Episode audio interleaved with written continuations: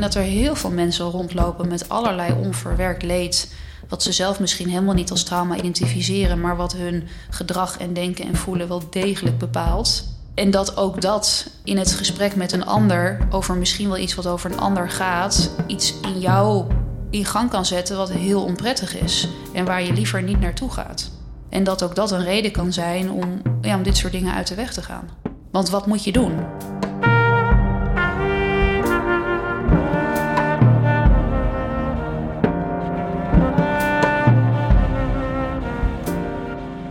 Trauma is in onze samenleving de grote onzichtbare. Mensen met trauma tonen zich niet. Mensen die andere trauma bezorgen nog minder. En wij, de omstanders, wenden liever de blik af. Het oorverdovende zwijgen in onze samenleving zorgt voor nieuw trauma, laag op laag. Hoe doorbreken we het zwijgen en verzamelen we de moed om te leren begrijpen wat trauma is en wat het met mensen doet? In deze serie praat ik met deskundigen uit verschillende disciplines over hoe we met een meer traumasensitieve benadering en omgang met elkaar een verdere stapeling van trauma kunnen voorkomen. Welkom bij Traumastapeling. Mijn naam is Julia van Grevenits. In deze aflevering praat ik met Anne Marsman, psycholoog en gepromoveerd op de lange termijn gevolgen van ingrijpende gebeurtenissen in de jeugd. Over de impact van groot trauma op kinderen en op hun verdere leven. Welkom Anne. Dankjewel. Jij hebt je uh, altijd al met trauma bezig gehouden. Niet altijd, maar wel al een hele tijd. nou ja, vanaf dat je, uh, je ging promoveren in ieder geval. Hè? Ja. ja. Um, waarom was het voor jou uh, zo'n belangrijk onderwerp? Ja, ik denk dat dit op de eerste plaats, of ik denk het niet, ik weet het zeker. op de eerste plaats is dat, is dat gewoon een hele persoonlijke aanleiding geweest. Um, en is het, is het een persoonlijke zoektocht geweest in ook wat is er met mezelf aan de hand? Uh, waarom, ik worst, ja, waarom worstel ik zo? Um, destijds vooral met een eetstoornis. Waarom uh, slaan al die behandelingen niet zo aan? Um, en daar op een gegeven moment, nou, vooral op trauma uitkwam. En op wat is nou de samenhang tussen nou, dingen die er in mijn leven zijn gebeurd. Uh, gedrag wat ik vertoon of, of uh, nou, kopingsmechanismen die ik heb ontwikkeld. Um, nou ja, ja, en ergens, ergens op het spoor van trauma kwam. Vooral ook op het spoor van Bessel van de Kolk kwam en zijn boek Trauma Sporen. Ja. Um, wat voor mij eigenlijk direct voelde als: ja, dit, dit, uh, dit snap ik. Um, dit herken ik. Dit herken ook. ik. Dit ja. maakt voor mij heel veel dingen duidelijk. Uh, ik denk dat dat in 2014, 15 was. Hij zegt vooral dat uh, trauma in je lichaam gaat zitten hè? en dat er sporen achterblijven. Die al... Ja, dat, ja. dat trauma veel met het lichaam juist ook te maken heeft. en dat, dat is iets wat ik vooral heel sterk herkende. Dat het niet zozeer, voor mij in ieder geval, op nou, dat, dat cognitieve stuk zat aan, aan gedachten of herinneringen of et cetera, maar veel meer nou, gewoon een ontregeld stresssysteem. Um, dus dat vond ik heel helpend. En van daaruit nou, enorm veel gaan lezen, leren, uh, studeren, promoveren. ja. um, ja, maar dat begon vooral met een persoonlijke zoektocht. Ja. En het beter willen begrijpen. Wat is eigenlijk trauma? Wat ik zelf gewoon een hele mooie en kloppende definitie vind, uh, is die van Gabor Maté. Hij is een trauma-expert uh, uit Canada, Canada Canadees-Hongaars geloof ik. En hij zegt daarover: trauma is niet wat er met je gebeurt, het is wat er in jou gebeurt als een gevolg van wat er met je is gebeurd. Mm -hmm. En wat ik zo goed vind aan deze definitie van hem en uitleg is heel vaak als we het over trauma hebben, dan hebben we het vooral over de gebeurtenis. De gebeurtenis wordt vaak gelijkgesteld. Um, terwijl die gebeurtenis aan zich uh, het trauma niet is. Het trauma betekent letterlijk verwonding. Um, waar het over gaat is welke verwonding is, is in feite achtergebleven door één of meerdere dingen die er in jouw leven zijn gedaan en die een langdurige impact hebben. Het trauma is niet, ik heb iets naars meegemaakt en daar heb ik twee weken last van. Dat is niet trauma. Uh, het, het, gaat in ieder geval in hoe ik er naar kijk echt over dingen die gewoon langdurig, uh, soms chronisch, nou ja, echt, echt, echt een diepe wond achterraken of achterlaten. Uh, en waar je op allerlei manieren last van kan hebben. En komt dat ook omdat het mensen verschillend kunnen reageren op objectieve gebeurtenissen? Ja, absoluut. Ja. absoluut. Dus, dus het trauma is juist heel subjectief. Het is per persoon zo verschillend wat voor impact een ervaring heeft. Dat, dat, dat hangt van zoveel factoren af wat impact is. En dat is ook belangrijk om te beseffen. Als je bijvoorbeeld uh, als kind uh, slachtoffer bent geworden van bijvoorbeeld incest. Mm -hmm. uh, wat kunnen dan de gevolgen daarvan zijn, bijvoorbeeld voor je identiteitsvorming? Even, hoe ziet dat trauma of dat, die verwonding er dan bijvoorbeeld ja, uit? nou ja, voor los van of het incest is of welke vorm van, van, van ingrijpende ervaring dan ook. Uh, we weten dat in feite alles wat in de kindertijd gebeurt en hoe vroeger vaak, hoe, hoe groter die impact, um, dat dat enorm veel uh, schade aan kan richten op allerlei niveaus. Als kind ben je natuurlijk in ontwikkeling, biologisch, psychologisch, emotioneel, sociaal. Um, als in die periode van je leven er en gewoon al ontiegelijk veel stress in je systeem terechtkomt. Uh, want zeker zoiets als incest meemaken is gewoon ontiegelijk stressvol. Um, dat is voor, voor je hersenontwikkeling niet goed, voor de ontwikkeling van je zenuwstelsel niet goed, uh, voor je immuunsysteem niet goed. Dat kan in feite biologisch gezien al, al heel veel opleveren. Maar dit is natuurlijk ook heel relationeel. Als een ander persoon jou iets aandoet, uh, zeker als het ook nog een ander is waar jij afhankelijk van bent. Ja, die jou eigenlijk zou moeten beschermen. Die jou zou moeten beschermen, waar je misschien ook nog wel van houdt. Uh, dan is dat natuurlijk ontiegelijk ingewikkeld um, in het opbouwen van vertrouwen naar andere mensen, uh, in het je gezond kunnen hechten. Um, als, op, als, ja, als op die leeftijd waarin dat juist het liefst um, nou ja, gewoon een, een stevige, gezonde basis krijgt, daar al zo in verstoord raakt. Ja, ja dat is dus een gigantische verwonding eigenlijk. Dat is een gigantische verwonding op heel veel niveaus. En, en het trieste is, is dat het juist ook um, op, op, het, op het stuk veerkracht, denk ik, wat mensen kunnen hebben. En op alle uh, gezonde mechanismes die we als mensen kunnen hebben om met moeilijke dingen om te gaan. Zoals sociale steun zoeken, um, kunnen praten over wat er met je gebeurd is. Op, op al dit soort vaardigheden wordt, nou ja, dat, ook die worden zo beschadigd. Um, waardoor je denk ik vaak ook nog nou ja, geïsoleerd raakt en onthand raakt in wat eigenlijk nou ja, gewoon heel, heel goed of helpend zou zijn. Um, maar waar je ook afgesneden van raakt. En door die verwonding, hè, doordat je dus allerlei vaardigheden en hulpsystemen in jezelf niet kunt aanboren, ontstaat er weer nieuwe schade, kan je dat zo zeggen? Ja, die, die, die schade, of wat je, wat je in ieder geval nou, veel wel ziet, is dat het gewoon enorm gaat stapelen. Uh, en dat eh, sowieso de impact van chronische stress, zeker als je jong bent, kan betekenen uh, dat bepaalde hersengebieden zich minder goed ontwikkelen of minder, minder beschikbaar zijn. Uh, er te veel stress in je systeem zit. Um, je daardoor misschien ook niet goed met je emoties om kan gaan, met je impulsen om kan gaan. Wat weer gevolgen kan hebben voor sociale relaties die jij hebt. Wat mensen kwetsbaar maakt voor afwijzing of uitsluiting. Um, het, het gaat zo ontzettend stapelen voor niet goed kunnen presteren op school omdat je je hoofd er letterlijk niet bij kan houden. Um, niet goed kunnen begrenzen en daarin kwetsbaar zijn om mensen over jouw grenzen te laten gaan. Het, het stapelt enorm op en dat is heel verdrietig. Ja, en soms denken we misschien toch nog wel eens dat kinderen inderdaad veerkrachtig zijn en ja. dat je dingen uit je jeugd misschien ook uh, ja, in een later leven kan. Uh, dat, dat, dat dat eigenlijk kinderen makkelijk zelf op kunnen lossen of zo. Maar dat... ja. ja, en eh, voor een deel is dat natuurlijk ook waar. Kinderen zijn veerkrachtig, mensen zijn over het algemeen veerkrachtig. Um, maar dat betekent niet um, dat, dat, dat ze ofwel helemaal vergeten wat er met ze is gebeurd of daar geen last van hebben. Wat je denk ik veel ziet is dat kinderen zich goed kunnen aanpassen en goed een weg kunnen vinden Um, om om te gaan met, met nou ja, waar ze mee te maken hebben. En dat dat er misschien uit kan zien als. Oh, dat valt wel mee, of, of ze dealen er wel mee. Maar wat aan de binnenkant heel anders kan zijn. Hm. Um, en ik denk dat veel van die schade ook, uh, zeker als je met gewoon hele ernstige dingen vroeg opgroeit, je soms ook opgroeit met het idee dat dat normaal is. Je zelf niet eens weet dat er dingen gebeuren die eigenlijk helemaal niet kunnen of mogen. Um, dat die klap vaak ook later pas kan komen. Hmm. Als het besef komt van hé, hey, wat hier is gebeurd, was heel ernstig. Ja. Het kan zo zijn dat hè, mensen in de kindertijd er misschien niet eens zo heel veel last van hebben. of daar een vorm in vinden om, om daar maar mee te dealen. Maar vooral als ze wat ouder worden of zelf ouder worden of, of nou, et cetera. Dat het dan vooral uh, nou ja, ook, ook mentaal, uh, emotioneel heel zwaar kan worden.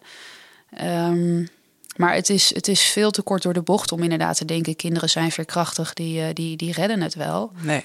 Nee, en wat je ook aanstipt is dat kinderen inderdaad aan de buitenkant misschien helemaal niet eruit zien als zijnde een beschadigd kind. Nee, ik denk dat heel veel kinderen er niet uitzien als een beschadigd kind. Of dat wij een beeld hebben van: oh, zo ziet iemand eruit die misbruikt wordt. Uh, 99 van de 100 voldoen daar absoluut niet aan. Nee. Uh, het zijn denk ik ook heel vaak de kinderen en de volwassenen die juist heel sociaal wenselijk gedrag vertonen, zich goed kunnen camoufleren. Uh, of heel naar gedrag vertonen en dus niet aaibaar zijn. En daar gaan we ook liever niet naartoe. Um, maar ja, we denken denk ik te vaak dat we dat wel kunnen zien. Dat is absoluut niet waar. Van slachtoffers niet, maar van daders net nee, zo goed niet. Nee, ook niet. Nee, nee, nee precies. Nee. En het, uh, zeker, zeker bij kinderen, daar wordt een basis gelegd om je gezond te kunnen hechten, om in verbinding te kunnen zijn, om, om, uh, om je eigen gevoel van wie ben ik, wat wil ik te, te vormen. Um, als, als, als je daarin gedwarsboomd wordt, dan kan het bijzonder lastig zijn om, om dat op latere leeftijd, niet onmogelijk, wel lastig zijn om, om dat nog bij te schaven. Maar als we het dan hebben hè, over, het is aan de buitenkant niet zichtbaar, die enorme verwonding. We vinden het vaak al, uh, met elkaar nog steeds ingewikkeld hè, dat mensen die uh, uh, in, een, in een onveilige of ongezonde of echt beschadigende situatie zitten, niet zelf komen met signalen of hè, niet zelf om hulp roepen. Of um, we hebben vaak toch de indruk dat, dat, dat, dat, dat je dat moet doen of zo. Mm -hmm. En dat het daar dan mee zou beginnen. Ja, we hebben denk ik ook te vaak.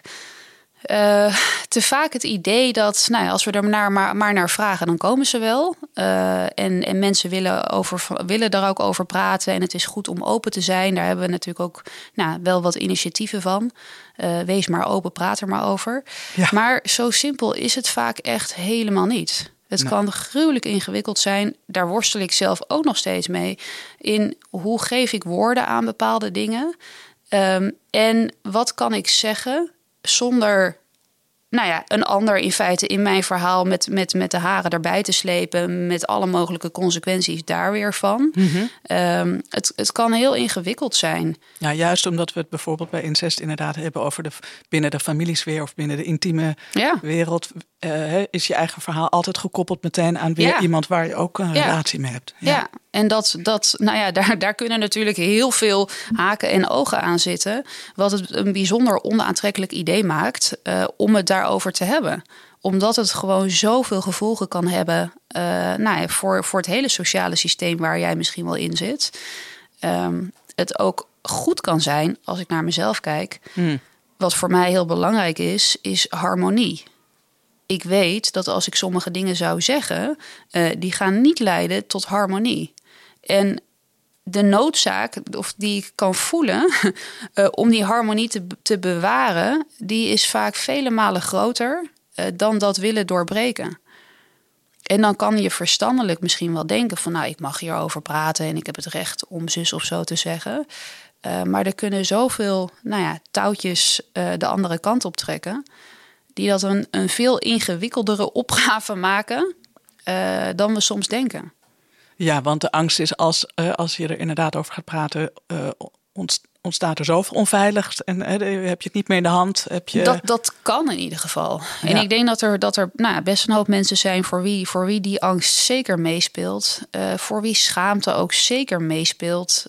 voor het überhaupt geen woorden willen geven, want dan bestaat het in ieder geval minder. Zeker meespeelt. Niet geïdentificeerd willen worden als slachtoffer, zeker meespeelt. Leg dat eens uit. Nou ja, heel persoonlijk. Ik heb echt een bloedhekel aan, aan slachtofferschap. Uh, en ik verzet me enorm tegen, tegen uh, mezelf als slachtoffer zien. Uh, dat, dat vind ik gewoon zelf iets heel ingewikkelds. En dat heeft vooral ook met mijn eigen vooroordelen te maken over wat of wie een slachtoffer is. In mijn hoofd, hè, dit is niet hoe ik naar andere mensen kijk, voor de duidelijkheid. Het is vaak anders. Naar andere mensen heb je veel meer begrip en empathie en et cetera. Voor jezelf is dat anders. Voor mezelf identificeer ik een slachtoffer met zwak en zielig uh, en, en uh, kwetsbaar. Ehm, dat zijn allemaal dingen die ik niet wil zijn en die ik heel lastig vind om te voelen en te erkennen dat ik het wel degelijk ben. Ehm, dus ik vind, het een hele, ik vind dat een hele worsteling. Ehm, en ik, ik, ik hoor en zie dat van wel meer mensen om me heen, dat dat, nou ja, dat, dat überhaupt onder ogen zien gewoon best heel ingewikkeld kan zijn. Ook al is het ook belangrijk, uh, want dat vind ik wel degelijk ook. Maar het is, ja, ik denk dat we er soms makkelijker over denken dan, dan het is als je zelf met dit soort posities worstelt. De term is natuurlijk ook, wordt makkelijk gebruikt in de samenleving. Je hebt een slachtoffer en een dader. Ja. Hoe kijken we daar als samenleving tegenaan dan? En hoe vind je dat we dat, hoe je je daartoe verhoudt als mens? Ja, hoe kijken we daarnaar? Daar kijken we heel digotoom naar. Dus je bent of het een of het ander.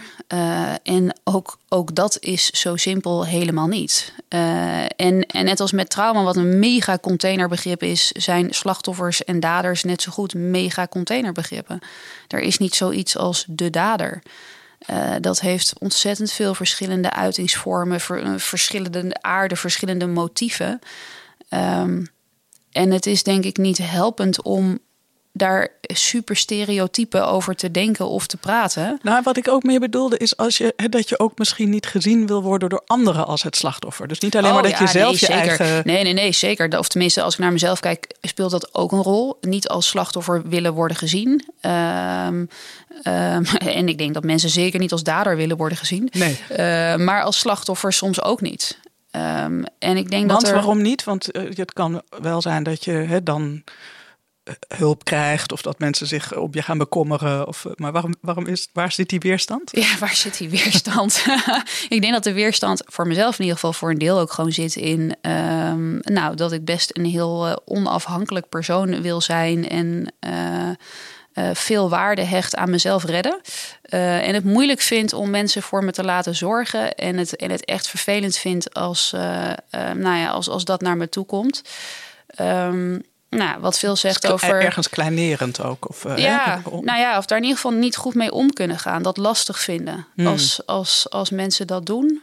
Um, um, wat wat nou ja, meer zegt over, over mij en mijn ervaringen in mijn leven dan over die ander. Want andersom doe ik dat ook heel graag naar anderen er zijn. Uh, maar dat moeilijk vinden, dat is één ding. Plus wat ik denk ik zie, is dat dit wel een beetje soms het type label is wat heel erg achter je aan kan blijven. Uh, hoe noem je dat? Aan, ja, of, of heel erg blijft plakken. En waar mensen graag op terugkomen. En waarom is dat, denk je?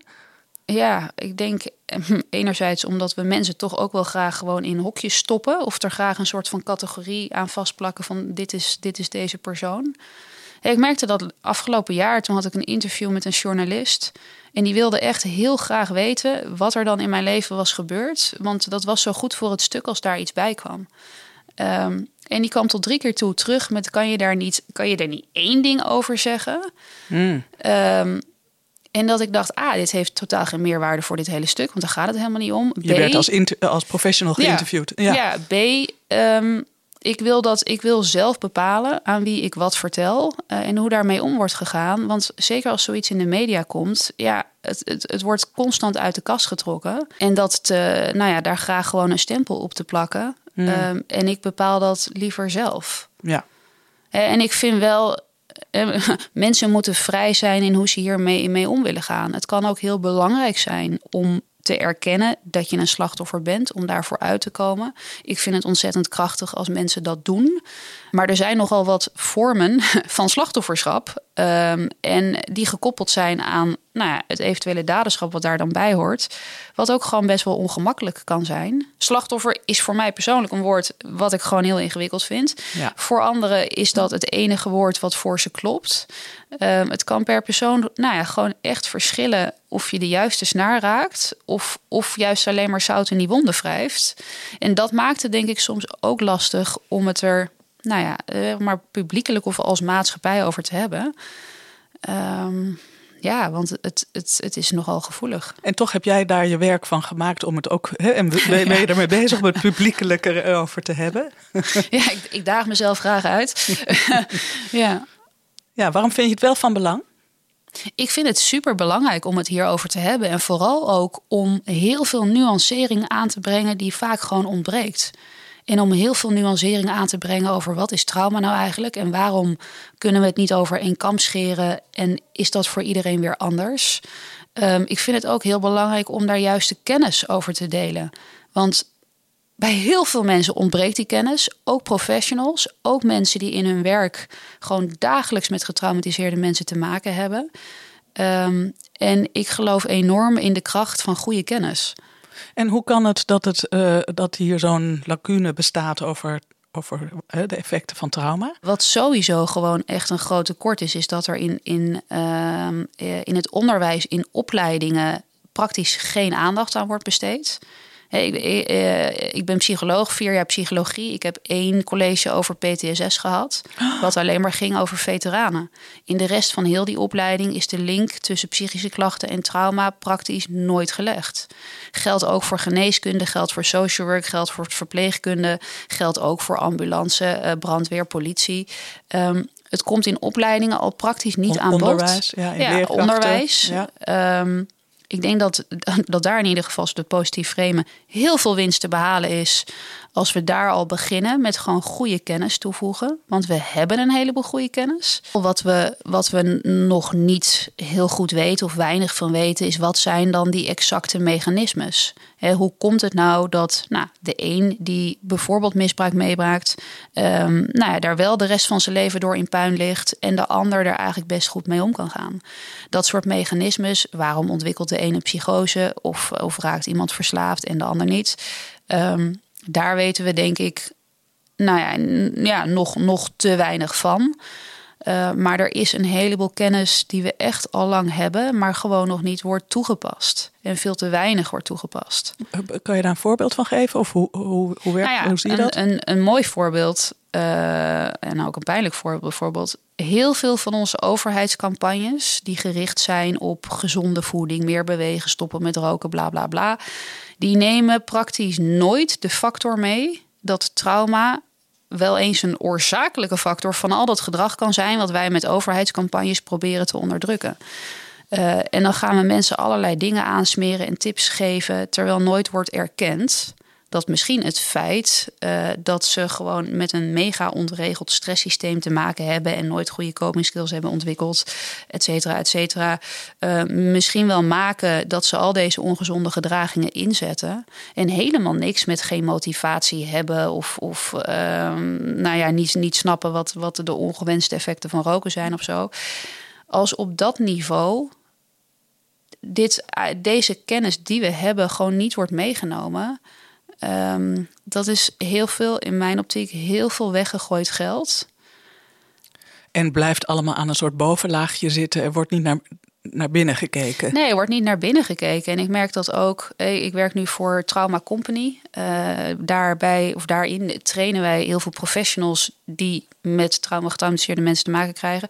Onder andere uh, van de IND en van het COA, die werken met vluchtelingen zo ontzettend vaak horen we terug van mensen. Ik, heb, ik, ik, ik hoor dit voor het eerst. Ik heb nog nooit iets van trauma geleerd, nooit aan bod geweest. En dit zijn mensen die dag in, dag uit met super getraumatiseerde mensen werken. En vanuit hun eigen werk, hun eigen opleiding, nooit aandacht aan besteed. En wat zijn dan de dingen die ze moeten weten? Um, wat trauma is, wat het allemaal kan zijn, hoe, hoe divers dat is. Vooral ook wat dat, uh, wat dat neurobiologisch met iemand kan doen wat daadwerkelijk de uitwerking op, op bepaalde hersengebieden en hersenfuncties kan zijn. Welk gedrag je dus misschien wel kan zien. Uh, of welke klachten iemand kan ontwikkelen. Maar vooral ook hoe, als je dat allemaal weet en snapt en kan erkennen, hoe kan je daar dan traumasensitief mee omgaan? En wat kan je misschien wel aanpassen in je werkwijze, je houding, uh, wat voor iemand met een hele getraumatiseerde achtergrond uh, belangrijk is. Ja. Daar gaat het vooral om. Je zegt, mensen die groot trauma hebben meegemaakt, die kunnen bijvoorbeeld op een bepaalde manier reageren, waardoor je er, als je er sensitief voor bent, kan, kan aanvoelen. Hé, hey, hier ligt misschien wel. Hè, kan je wel een beetje een stukje naar binnen kijken, misschien. Mhm. Zonder specifiek te weten wat er dan allemaal gebeurd is. Maar er, er, er komen signalen. Mhm. Wat zijn dat dan bijvoorbeeld? Nou ja, ik denk dat onder andere wat, wat heel belangrijk is om je bewust van te zijn, zeker als mensen trauma hebben opgelopen in, in relatie tot een ander mens. Ja. Dat is iets anders dan bijvoorbeeld een natuurramp of een ongeval, maar in relatie tot een ander mens. Dat het in contact treden met een ander aan zich al gewoon stressvol en spannend kan zijn. En misschien wel dingen in iemand kan aanzetten. ehm, die, die onveiligheid creëren in het simpele feit dat wij van mens tot mens met elkaar hier eh, aanwezig zijn. Ehm, en dat het heel goed is om, om te beseffen hoe belangrijk het is dat je investeert in überhaupt verbinding krijgen. En wat je daarin wel, maar misschien ook niet moet doen. Bijvoorbeeld de manier waarop je kijkt, waarop je spreekt, je lichaamshouding, hoe je iemand aanspreekt, et cetera. Hoe essentieel het is dat je de waarde van dat sociale contact en die verbinding ehm, voor iemand om rustig aanwezig te kunnen zijn, dat je dat snapt. het, het, ons zorgstelsel is, is, eh, is, is opgesteld. Stel, je komt met je klachten eh, bij een psycholoog en in een intake. En binnen 45 minuten moet hij ongeveer wel weten wat er dan zo al heeft gespeeld. Voor veel mensen is er echt meer nodig voordat je überhaupt kan praten over of kan delen over gewoon hele moeilijke dingen in je leven. Waar je het wel over wil hebben, maar eerst Ja, een basis waar- nodig hebt. Ja, en waar ja. je eerst misschien gewoon moet werken aan dat sociale contact, omdat iemands stresssysteem gewoon vol aangaat op, op überhaupt, er zit een vreemde tegenover me. Dat we soms dingen van mensen verlangen die denk ik gewoon helemaal niet echt eh, nou ja, mogelijk zijn. En we niet moeten onderschatten wat, nou ja, wat je daar als, als, als mens en in contact met een mens zelf ook in kan doen. Maar we hebben professionals leren we vaak om juist een bepaalde distantie te houden. Ja, en nou ja, niet daar ga je dat al. persoonlijke relatie aan te gaan. Ja. Nee, daar ga je al. En er is wel een verschil tussen een persoonlijke relatie aangaan en distantie. En de, de manier van distantie toepassen. Want ik denk, of ik weet zeker, dat je ook op een hele liefdevolle manier best wel wat afstand kan houden. Eh, maar inderdaad, we zijn, en dat ben ik zelf ook nog, wel opgevoed met het idee dat je veel afstand moet houden en het vooral zakelijk moet zijn. Eh, terwijl als je iemand. En ook niet dat we zijn ook niet zo snel dat we het meteen al bemoeien met anderen. Hè? Jij komt met een probleem, dat gaan we bekijken. Ja. Maar om dan echt contact te maken. En, eh, Ja, en Ja. voor sommige mensen werkt dat. Maar ik denk voor een hoop mensen die andere mensen per definitie wantrouwen, ehm, dat, niet, ja, dat niet een hele goede basis is. Nee. Als ik geen gevoel heb voor wie er tegenover mij zit, ehm, ja, dan ga ik me niet per se heel erg op mijn gemak voelen. aan de andere kant vinden we vaak de onderwerpen waar we het over hebben. Hè? Bijvoorbeeld incest, of, eh, maar ook, hè, ook eh, huiselijk geweld. Of, dat zijn onderwerpen waar we helemaal niet makkelijk over praten. Ehm, dus het ongemak zit hem ook vaak aan de andere kant. Dat je denkt, nou, laten we die kant maar niet opgaan. Ja, ik denk dat dat, of nou ja, ja dat, dat, zit, dat kan zowel bij, bij de mensen zelf zitten die, die hier zelf mee te maken hebben, maar absoluut ook bij de mensen die ernaar moeten luisteren. En of dat nou gaat over een ouder, een partner of een hulpverlener, eh, of, of welke functie dan ook, in alle gevallen kan ook het luisteren naar soms gewoon hele afschuwelijke dingen ontzettend moeilijk zijn, om allerlei redenen. Ehm, en ofwel leiden tot ik, ik ga hier niet naar vragen, want ik wil het niet aanraken. Of ik negeer het, of ik bagatelliseer het, of ik eh, schuif de schuld in iemands schoon. Dat kan, dat kan allerlei reacties oproepen. Maar het, het luisteren, het luisteren naar soms hele onmenselijke dingen, ehm, kan best heel ingewikkeld zijn. En ik denk dat dat vooral ook te maken heeft met. Het is niet fijn om te leven met een wereldbeeld en een mensbeeld. ehm, waarin sommige dingen kunnen gebeuren. En dat het misschien ook wel een soort nou ja, menselijk beschermingsmechanisme is. om een bepaalde realiteit gewoon niet te willen erkennen. Ehm, en niemand wil horen dat, dat die lieve oom of die fijne voetbaltrainer of wie dan ook. eh, die we allemaal zo geweldig vonden, ook gewoon hele nare dingen doet. Je wil, je wil niet geloven dat iemand waarvan jij denkt dat je die kan vertrouwen en echt overtuigd bent. Nee hoor, ik ben overtuigd, die doet dat niet. Ik ken hem goed. Wel degelijk dingen kan doen eh, die, die absoluut niet oké zijn. Het is niet fijn om met zo'n om, om, met, ja, om met die wetenschap te leven. Ja. Is dat misschien ook waarom we zo ontzettend lang eigenlijk dat deel trauma gewoon helemaal niet hebben aangeraakt. En, en hè, de mensen er alleen mee hebben gelaten. Omdat we dat in onze samenleving niet willen. willen. Ja, ik denk dat dat zeker een reden is. En ook hè, vaak het praten over trauma raakt ook eigen trauma aan. Ik denk dat er heel veel mensen rondlopen met allerlei onverwerkt leed. Wat ze zelf misschien helemaal niet als trauma identificeren, maar wat hun gedrag en denken en voelen wel degelijk bepaalt. Um, en dat ook dat in het gesprek met een ander over misschien wel iets wat over een ander gaat, iets in jou in gang kan zetten wat heel onprettig is en waar je liever niet naartoe gaat. En dat ook dat een reden kan zijn om, ja, om dit soort dingen uit de weg te gaan. Want wat moet je doen? Ja, want dat denken we vaak, hè? dan moet je iets doen. Ja, ja of je, je wil iets doen. Of je wil iets doen. Het is, het is nou, voor heel veel mensen ook heel menselijk om, om iets te willen doen. Zeker als je ziet dat een ander verdriet heeft of het niet goed gaat. Uh, en het is heel lastig om in feite je eigen machteloosheid te verdragen van niks te kunnen doen.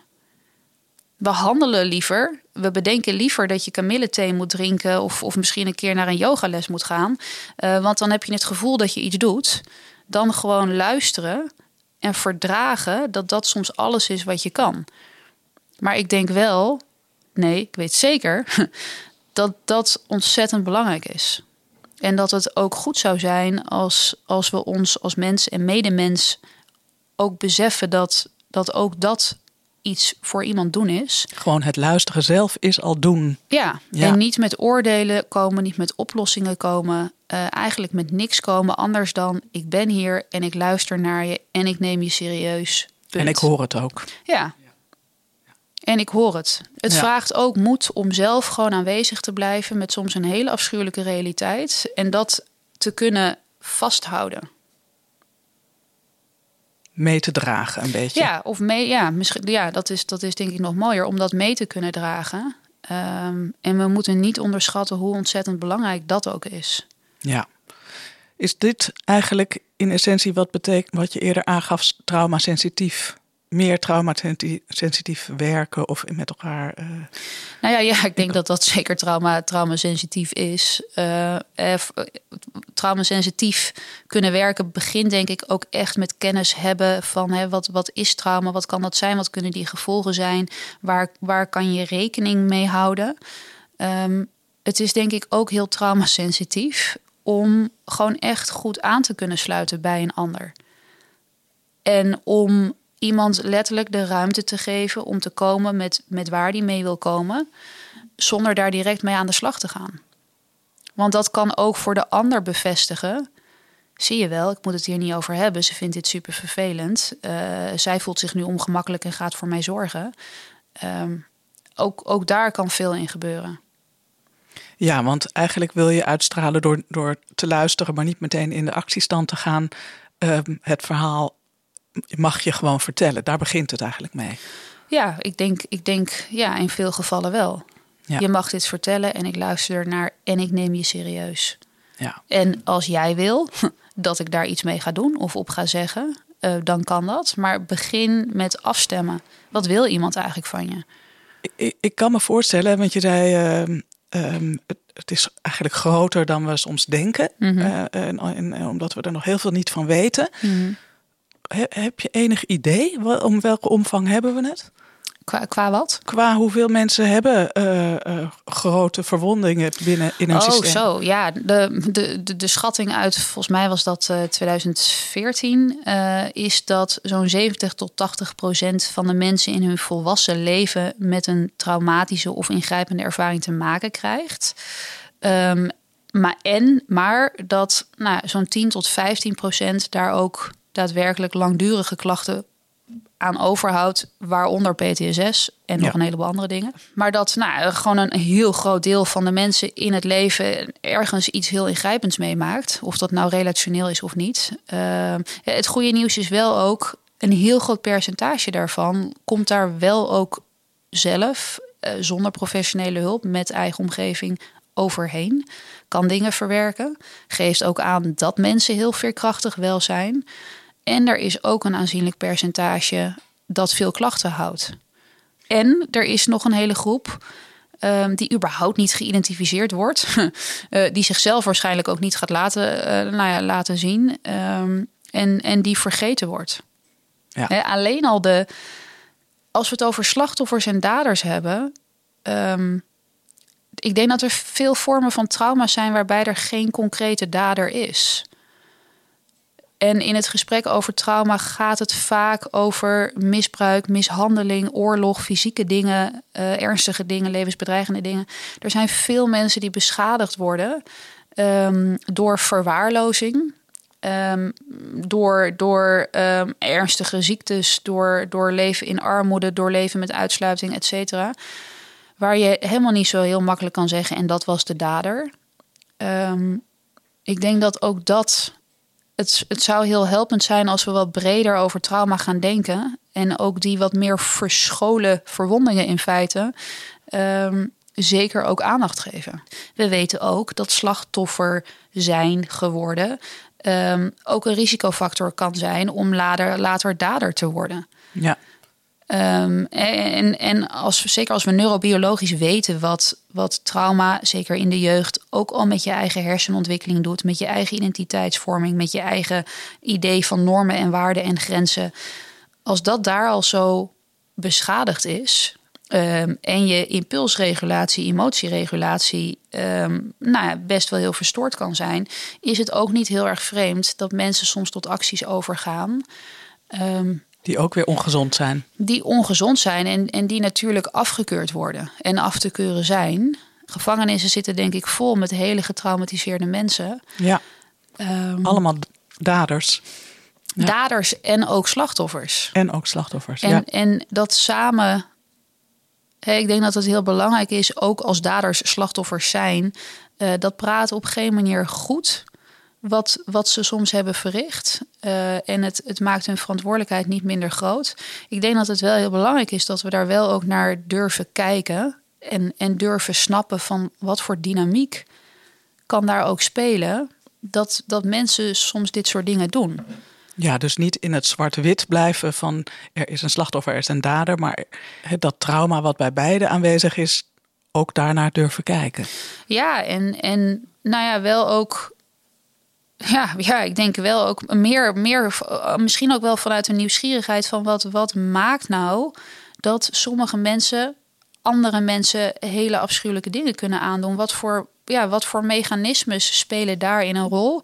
Wat kunnen we daar vooral ook uit leren um, om op zijn minst recidieven te voorkomen, maar misschien wel überhaupt te voorkomen dat mensen tot, tot dit soort dingen overgaan? Um, en dat in voor slachtoffers heb je vrij automatisch sympathie. Daders wijzen we massaal af. Uh, dat is ook denk ik een hele menselijke reactie. Maar dat helpt niet. Er zijn denk ik ook echt nog wel veel daders die, die helemaal niet trots zijn op wat ze doen of hebben gedaan. Uh, die daar achteraf enorm veel spijt van kunnen hebben. Die daadwerkelijk hun controle en impulsen niet kunnen beheersen. Maar die ook geen ruimte voelen om dat ergens te benoemen. Want of je kind wordt uit huis geplaatst of je wordt in zijn geheel gecanceld. um, en ook dat is niet helpend. Nee. Als we het, als we het nou hebben over die enorme schade. Je hebt het al een paar keer benoemd dat het op heel veel niveaus uh, uh, kan trauma grote schade aanrichten. Mm -hmm. Die ook een leven lang kan. kan hè? Niet, mm -hmm. Hoeft niet, maar kan. Mm -hmm. Die verwondingen, kunnen die in zijn geheel herstellen? Of, of blijven er littekens? Of... Ja, ik denk. Eh, ook dit is, dit is natuurlijk dit is heel individueel en het is heel afhankelijk ook van de aard van het trauma. er zijn genoeg voorbeelden van mensen met afschuwelijke, uh, afschuwelijke geschiedenissen die nu als volwassenen echt wel een, een, een, prima leven leiden en soms ook partners hebben, kinderen hebben, werk hebben. Um, en waarbij ze een vorm hebben gevonden, denk ik ook, om, om voor hun verwonding te zorgen. Uh, en om daar een manier mee te vinden om daar zo goed mogelijk mee te leven. Dus de verwonding blijft wel ergens. Ik denk dat in veel gevallen, zeker bij, bij dit soort impactvolle uh, en, en, nou ja, en, en heftige verwondingen, um, dat, gaat, dat gaat denk ik nooit helemaal weg. Um, maar het hoeft niet te betekenen dat je leven er nog door wordt bepaald in de mate waarin dat eerder wel zo is geweest. en er zijn zeker ook voorbeelden van mensen voor, voor wie dit nooit echt zal helen. Uh, en nou ja, die arbeidsongeschikt raken, chronisch ziek raken, uh, iedereen verliezen. Um, uh, ook die zijn er natuurlijk. Maar ik denk wel dat het een, een hoopvol perspectief is. Van een verwonding kan je helen. Trauma als, trauma, als trauma de gebeurtenis was, dan hebben we een probleem. Die maken we niet ongedaan. Als we trauma als een verwonding kunnen zien, kunnen we ons ook beseffen dat we daar dus zorg voor kunnen dragen. En dat daar heel veel uiteindelijk ook in mogelijk is. En het kan ook, of het is denk ik ook, het is keihard werken. Het is heel veel vallen en opstaan. Um, maar maar, maar het, het, hoeft niet, het hoeft niet je leven voor altijd te bepalen. En daar hebben we denk ik als maatschappij en als mensen onder elkaar een grote opgave in uh, om verwonde mensen uh, te, te, te helpen te helen. En waarin juist de verbinding en, en het, de gezamenlijkheid, het ervaren van zingeving, een plek hebben waar je hoort, waar je naartoe kan, ontiegelijk belangrijk is. Ik vind het heel belangrijk um, om een veel breder palet te laten zien van wat er mogelijk is en wat helpend is. Mm. En om daarbij wel ook um, en transparant te zijn over de kennis die we hebben. Hoe komen we daaraan? Um, en hoe betrouwbaar is iets? Mm -hmm. Er wordt natuurlijk ook van alles aangeboden waarbij je je soms afvraagt. Hoe, hoe, hoe en wie heeft dit ooit bedacht? Um, en mensen die, die wanhopig zijn, proberen alles. Ja. Die proberen ook schadelijke dingen die, die door iemand gewoon goed worden vermarkt. Um, wat is bijvoorbeeld schadelijk volgens jou? ja, nou ja, ja je, je, je ziet wel eens dingen langskomen die dan gericht zijn op echt, echt zwaar getraumatiseerde mensen. Um, die ofwel nou ja, gewoon veel te soft zijn ingestoken of met veel te weinig ervaring van degene die dat heeft bedacht. Met veel te weinig kennis van, van wat er allemaal met iemand aan de hand kan zijn. Um, uit de voorbeelden zal ik maar even blijven. Maar er, zit ook, er zit ook echt wel van alles bij waarbij je echt moet afvragen: weet iemand wel wat hij doet? En weet iemand wat er kan gebeuren? En kan hij daar dan ook mee dealen? Maar betekent dat dan dat eigenlijk uh, de hulpverlening aan mensen met zulk groot trauma, die grote verwondingen, uh, dat dat echt heel specialistisch werk is? Of, of kan je ehm. toch ook door uh, bijvoorbeeld niet buiten de GGZ, buiten uh, allerlei andere vormen van hulpverlening of um, ja. Ik denk zeker dat er, dat er gebieden zijn waarbij um, gewoon echt heel veel kennis en specialisatie absoluut van meerwaarde is. Um, he, neem bijvoorbeeld de dissociatieve identiteitsstoornis. Mensen die veelal in hun hele vroege jeugd hele ernstige dingen hebben meegemaakt. Um, die ontwikkelen die stoornis um, nog wel eens. Even dat, voor mij, dat is dissociatie uh, uit jezelf. Ja, de, nou, een dissociatieve identiteitsstoornis um, gaat in feite over dat mensen nou ja, delen ontwikkelen. Dat hun, hun, hun persoonlijkheid in feite gewoon zo gefragmenteerd raakt in alle afschuwelijkheid die er is, dat je dat niet bij elkaar kan houden. Um, en mensen te maken krijgen met verschillende, verschillende delen in zichzelf, die al dan niet op de voorgrond kunnen treden en eigen ervaringen, herinneringen, et cetera hebben. Um, dat vraagt echt, echt wel heel veel nou ja, kennis van wat er aan de hand is en wat dat nodig heeft. Dat, dat, ja, ik denk dat, dat je daar echt schade mee kan doen als je daar te weinig kennis, helemaal geen kennis van hebt en maar gewoon een beetje aan de gang gaat met iemand. Um, mensen die ernstig kunnen dissociëren of, of zich ernstig kunnen verwonden. Het helpt echt enorm als je daar, uh, als je snapt wat daar gebeurt. Uh, en, en daar een bepaalde specialisatie in hebt. Uh, en tegelijkertijd denk ik ook dat ook, ook als je niet super gespecialiseerd bent, gewoon basiskennis wel al heel erg helpend is. Um, maar ja, ik ben, ik ben op zich wel voorstander van, van zeker, zeker mensen die.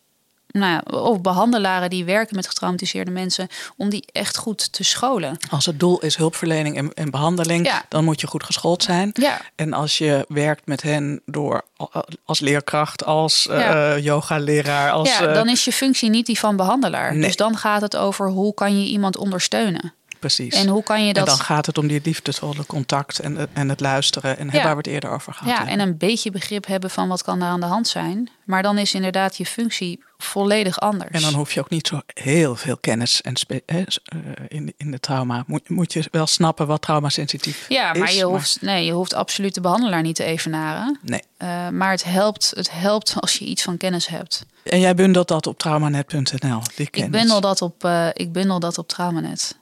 En ik zou het vooral ook heel graag een plek willen laten zijn waar, waar ook discussie kan zijn. En waar we het op een respectvolle manier ook oneens kunnen zijn over dingen. En, en gewoon het gesprek kunnen voeren over nou, hoe kijkt de een hiernaar, hoe kijkt de ander daarnaar. Uh, want ook hier nou ja, zijn, er, zijn er gewoon duizend opvattingen en meningen.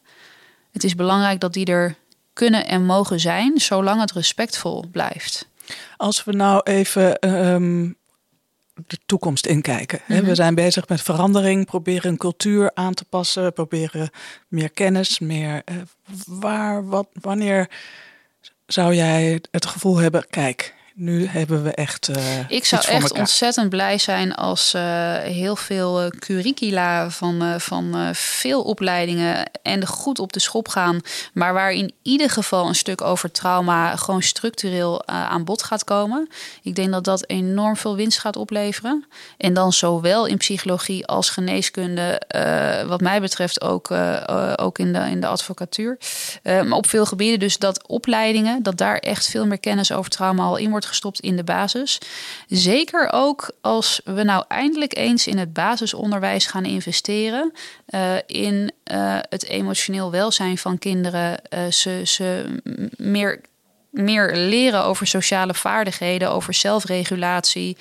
Um, daar is zo ontiegelijk veel winst te behalen. Als wij gezonde volwassenen willen, dan, dan moeten we gezonde, uh, gezonde kinderen uh, nou ja, afleveren, om het zo maar te zeggen. En daar kunnen we heel veel meer aan bijdragen dan wat er nu wordt gedaan. Als je kinderen al jong leert hoe ze met stress omgaan, hoe ze met emotie omgaan, daar kunnen enorm veel buffers in zitten in alle ingrijpende dingen die ze mogelijk mee gaan maken. Dus laten we daar nou in godsnaam eens mee beginnen, structureel. Heel veel dank voor dit gesprek. Ja, jij bedankt.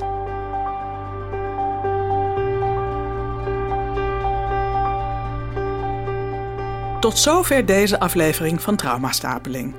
Beluister ook de andere afleveringen met weer andere perspectieven op de impact van trauma. En abonneer je op de podcast, dan weet je zeker dat je geen aflevering mist. Het gelijknamige boek Traumastapeling is te koop via de website traumastapeling.nl of in de boekwinkel. Deze podcast is een productie van Studio Noodzaak. Hou ons in de gaten.